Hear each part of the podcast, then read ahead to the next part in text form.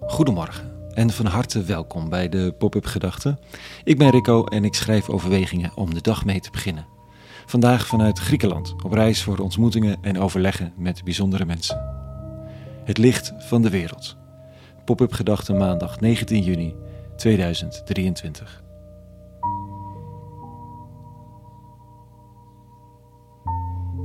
De zon verlicht op dit uur hier al volop de kalkstenen muren van oude gebouwen.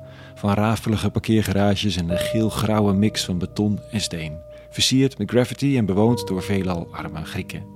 Ik zit op een balkon in Athene en lees de teksten van de dag. Zoals altijd, op dit uur. Ik ben in dit land deze week voor een serie ontmoetingen met mensen die zich met hart en ziel inzetten voor vluchtelingen. En dat is in Athene nog net even weer wat anders dan in het noorden van Europa de macht van de staat, de nabijheid van Turkije, de economische crisis, de scheepsramp van afgelopen dinsdag, waarvan de een de tragiek betreurt. En de ander wit heet naar de Griekse kustwacht wijst als hoofdverantwoordelijke voor deze honderden doden. En dan zijn er de verhalen. Van een Griek hier om de hoek, die elke week 400 gezinnen van voedsel voorzag, die tientallen alleenstaande minderjarigen onderdak bood. Verleden tijd, want onlangs is hij overleden, plotseling. Van een dominee die niet alleen zich voor zijn kerkje in Anagistenwijk inzet, inzet, maar ook voor een vluchtelingenopvang, een school en een activiteitenprogramma. Met allemaal eigen personeel. En een Grieks-orthodoxe priester die in de opvangplek van zijn kerk echt een vaderfiguur is voor alleen reizende minderjarigen. Zodra hij binnen is, willen ze hem een rapporten laten zien en trots over school vertellen.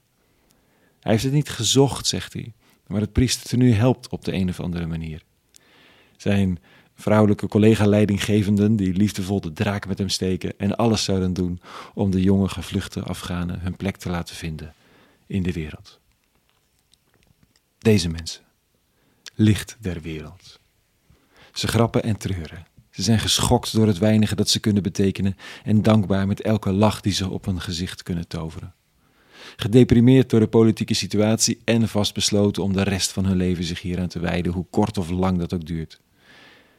Ze helpen, maar zien zich niet als helpers, maar als ontvangers. Ze overleven zonder te weten hoe morgen zal zijn en weten dat er altijd weer een weg is. Ze vormen een familie, want zonder gaat het niet. Het licht der wereld daalt waarschijnlijk niet neer uit de hemel, begeleid door symfonieorkesten en ons vangen met applaus. Het kiert door hoeken en gaten. Het brengt de geur mee van zweet en het gevoel van tranen. Het flakkert in de nacht op een balkon in de stad. Het licht verlicht even en soms. Het is nooit genoeg om het duister te weren, maar wel om het niet te laten overwinnen.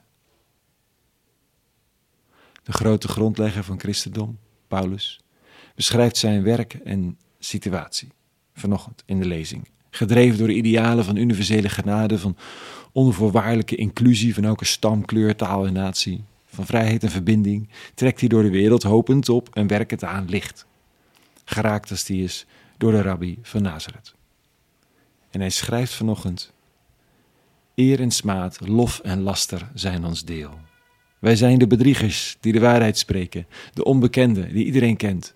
Wij sterven maar blijven leven. We worden getuchtigd, maar niet terechtgesteld. Wij treuren, maar zijn altijd blij. We zijn berooid en maken velen rijk, haveloos. En de wereld is van ons.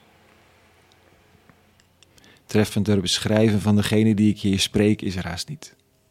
De laatste euro's van een liefhebbende activist-journalist gaan naar een busje waarmee de Afghaanse jongens naar de begrafenis van de goede Griek kunnen. En de huur en de elektriciteit? Dat komt morgen wel weer. Berooid, maar de wereld is van ons. Zegt Paulus. De wereld is van ons. Mogen in Gods naam de wereld van hen zijn, dwars tegen de machthebbers en kapitaal in, tegen mensen die aan handen en voeten gebonden zijn door de wetten van verkiezingen en geld. Deze vrije mensen hier in Nederland en waar dan ook. Mogen de wereld van hen zijn. Amen. Tot zover vandaag. Een hele goede maandag gewenst. En bovenal vrede en alle goeds.